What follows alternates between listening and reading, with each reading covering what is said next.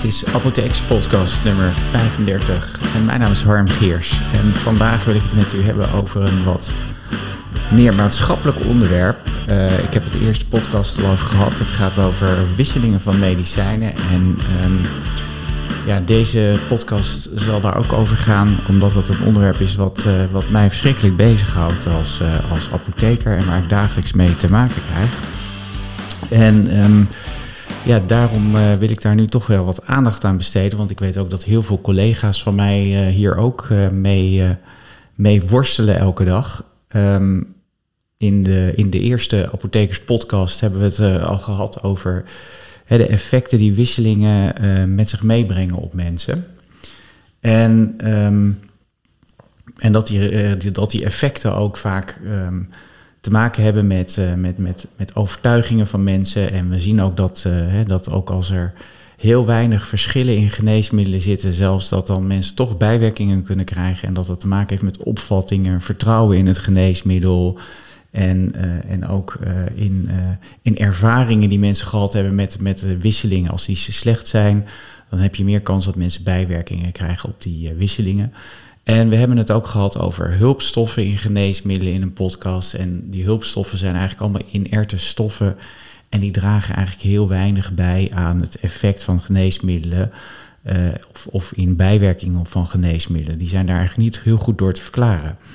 En we weten ook dat geneesmiddelen die, uh, die gelijkwaardig aan elkaar zijn. Hè, dus geneesmiddel van merk A en geneesmiddel van merk B. Dat die door de. Um, door het College ter Beoordeling van Geneesmiddelen in Nederland zijn goedgekeurd als zijnde bio-equivalent. En dat betekent dat ze dezelfde werking hebben, dezelfde concentratie, tijdscurve hebben. En dus eigenlijk op dezelfde manier hun effect hebben. En toch zien we dat dat niet altijd het geval is. En um, nou ja, dat, dat dat wisselen gebeurt, dat is, een, uh, dat is, dat is natuurlijk de reden daarvan is natuurlijk dat er kosten bespaard moeten worden. Die, merk, die geneesmiddelen die op de markt komen, die eigenlijk geen merkgeneesmiddelen zijn, maar uh, generieke geneesmiddelen, zoals die heet, die zijn een stuk goedkoper. En het is natuurlijk logisch dat zorgverzekeraars zeggen: wij gaan alleen die goedkopere geneesmiddelen gaan wij vergoeden. Alleen de vraag is natuurlijk een beetje of dat beleid nu, en daar wil ik het eigenlijk vandaag een beetje over hebben, of dat niet is doorgeschoten. Want we merken nu eigenlijk dat er heel veel kosten bespaard zijn door goedkopere geneesmiddelen af te, te leveren. Dat geneesmiddelen inmiddels zo goedkoop zijn dat de prijsverschillen bijna verwaarloosbaar zijn. En dat er eigenlijk op basis van die wisselingen nog misschien een paar cent te verdienen is op een geneesmiddel. Of te besparen is, moet ik zeggen. En omdat de prijzen in Nederland al ontzettend laag zijn. En daarmee zijn er dus al heel veel kosten bespaard. En is ook de groep van mensen die gewisseld is al heel groot.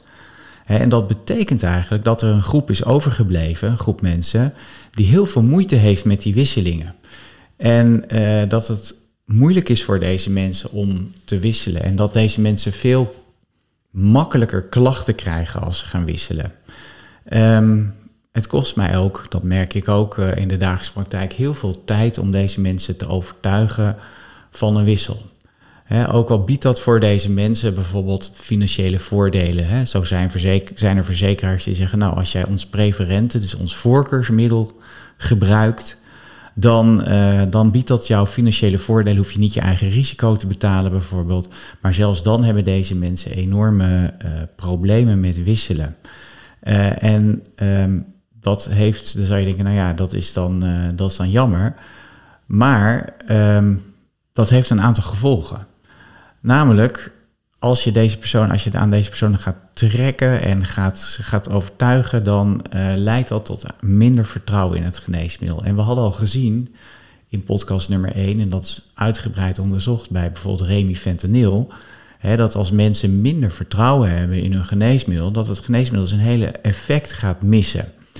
Dus het is maar de vraag of het wenselijk is deze mensen te gaan wisselen. Uh, want zij hebben uh, goede effecten op het geneesmiddel dat ze nu hebben. Maar als ze gaan wisselen, levert dat mogelijk minder effecten op, doordat de mensen minder vertrouwen hebben. Niet omdat het geneesmiddel minder is, maar omdat die mensen minder vertrouwen hebben of slechte ervaringen hebben met dat geneesmiddel. Nou, wat ik merk is dat dat leidt tot eigenlijk hè, niet tot kostenbesparing, maar mogelijk wel tot veel meer uh, kostenverhoging. Want wat gebeurt er met deze mensen? Deze mensen zeggen: Oké, maar dan ga ik mijn huisarts nog een keertje bellen. Of mijn specialist nog een keertje bellen. En dat betekent dat zij dus een extra consult gaan doen. Uh, dat zij uh, bij de specialist nog een keertje moeten langsgaan. Die specialist zegt natuurlijk: Ja, uh, hartstikke mooi. ik ga niet een gratis consult aanbieden. Dus ja, die, dat consult wat weer gedaan wordt om, om dat weer te bespreken, hè, dat zal dan weer ten koste gaan van onze gemeenschap. En dan zal de verzekeraar weer voor moeten betalen. Hè, ondanks die paar cent die ze dan verdienen op het geneesmiddel. Um, wat ik ook merk is dat het veel meer uh, leidt tot, tot metingen. Hè, mensen die bijvoorbeeld zeggen, ja, ik heb dit geneesmiddel, maar uh, ik merk dat mijn bloeddruk gaat stijgen van dit geneesmiddel wat ik wissel. Um, nou, dan ga je natuurlijk kijken, wat, wat, waar kan het door komen? Want het komt waarschijnlijk niet door het geneesmiddel, omdat dat geneesmiddel B, merk B, bio-equivalent is merk A. Dus dat kan eigenlijk niet. Toch zie je dat dat gebeurt. En dat betekent dat die mensen vaker bloeddruk moeten laten meten, uh, dat er weer gecontroleerd moet worden in het lab. Er zijn weer extra consulten nodig. Dat leidt tot kostenverhoging. Hè, dus die paar cent die wordt bespaard op het geneesmiddel leidt tot kostenverhoging elders. En die worden volgens mij niet echt goed meegenomen in de besparingen die men berekent. Want die berekent men alleen maar binnen het budget van de farmacie. Nou, um, dat dit een probleem is, um, dat wil ik toch nog even toelichten. Want ik merk dat als ik mensen hierover benader, dat het een enorme onrust geeft. Uh, mensen krijgen angst of het geneesmiddel goed werkt, krijgen gebrek aan vertrouwen, minder effect. Uh, verder zie ik dat, dat het wisselen van geneesmiddelen leidt tot vergissingen. Bijvoorbeeld, ik had laatst een mevrouw bij wie die Ramipril gebruikte en waarbij ik een ander merk moest geven. En die mevrouw die dacht, oh, uh, ik moet die oude gebruiken en dit is een nieuwe die erbij komt, waarbij ze dus twee tabletten Ramipril ging innemen.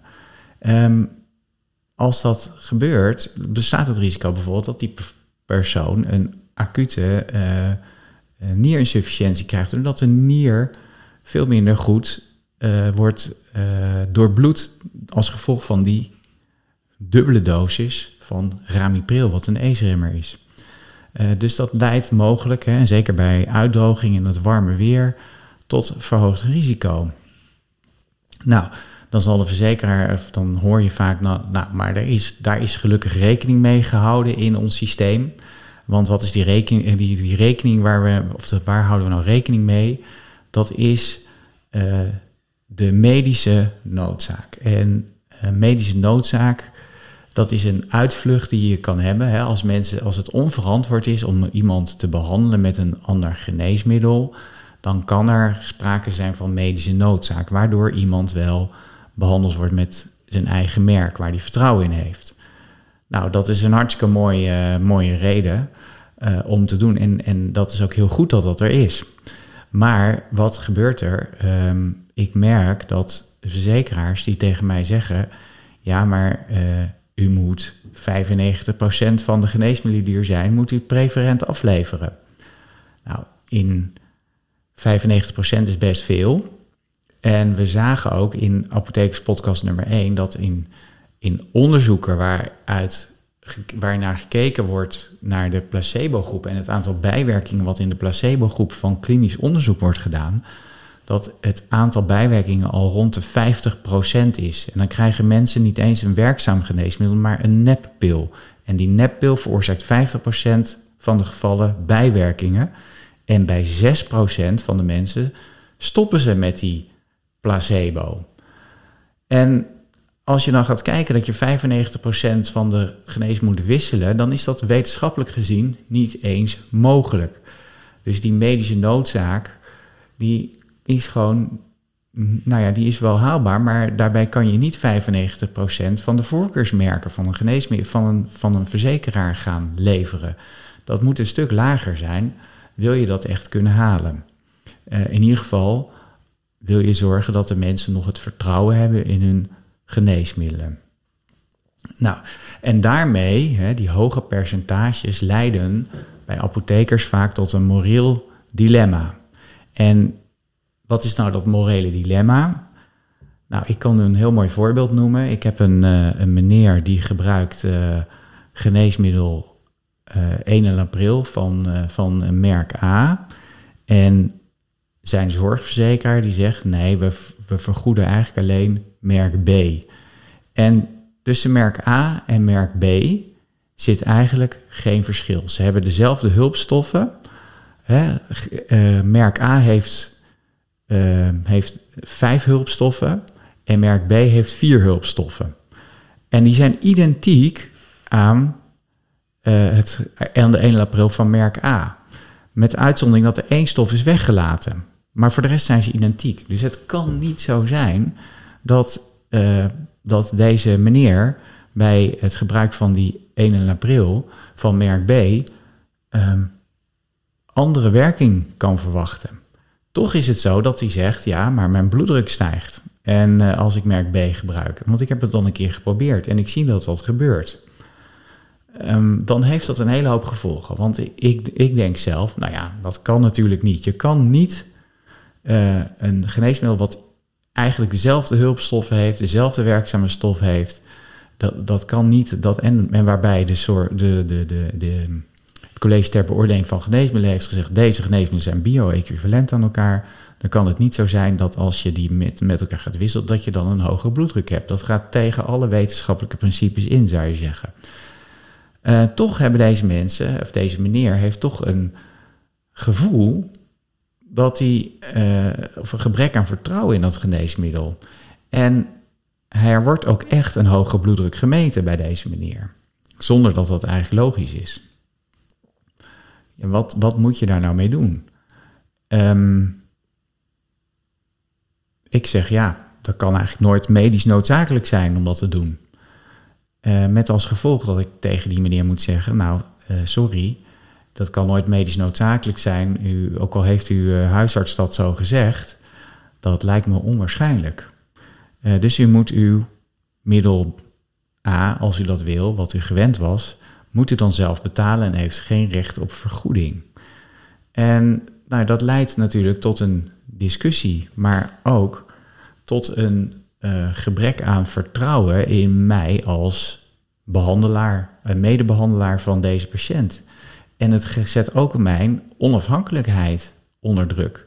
Want ik heb financieel belang bij om merk B te gaan geven aan deze meneer. Want anders word ik afgestraft door de zorgverzekeraar. Als ik niet 95% van de geneesmiddelen preferent aflever, dus voorkeursassortiment aflever, wat dus wat ik al zei, wetenschappelijk gezien eigenlijk helemaal niet mogelijk is, dan krijg ik een boete. En dan moet ik het prijsverschil zelf bijbetalen. En dan kan je zeggen, ja, het is maar heel weinig geld en het is niet zo heel veel. Maar wat, het principe is niet goed. Het principe dat, dat ik um, het beste voor een meneer of mevrouw die met geneesmiddelen wordt behandeld wil hebben, uh, kan niet conflicteren met het feit dat ik, uh, dat ik daar een financieel uh, ander belang bij heb. Dus dat is niet goed. En dat is iets wat op dit moment dagelijkse praktijk is en waar eigenlijk helemaal geen aandacht aan besteed wordt. En ik wil daar helemaal niet zielig over doen, maar het is wel iets wat enorm veel belasting geeft bij apothekers. Um, en wat, wat ook leidt tot, uh, tot vertrouwensbreuk en, uh, en, en een gestoorde, verstoorde behandelrelatie met patiënten. En dat is echt ernstig, vind ik. En dat zou niet mogen.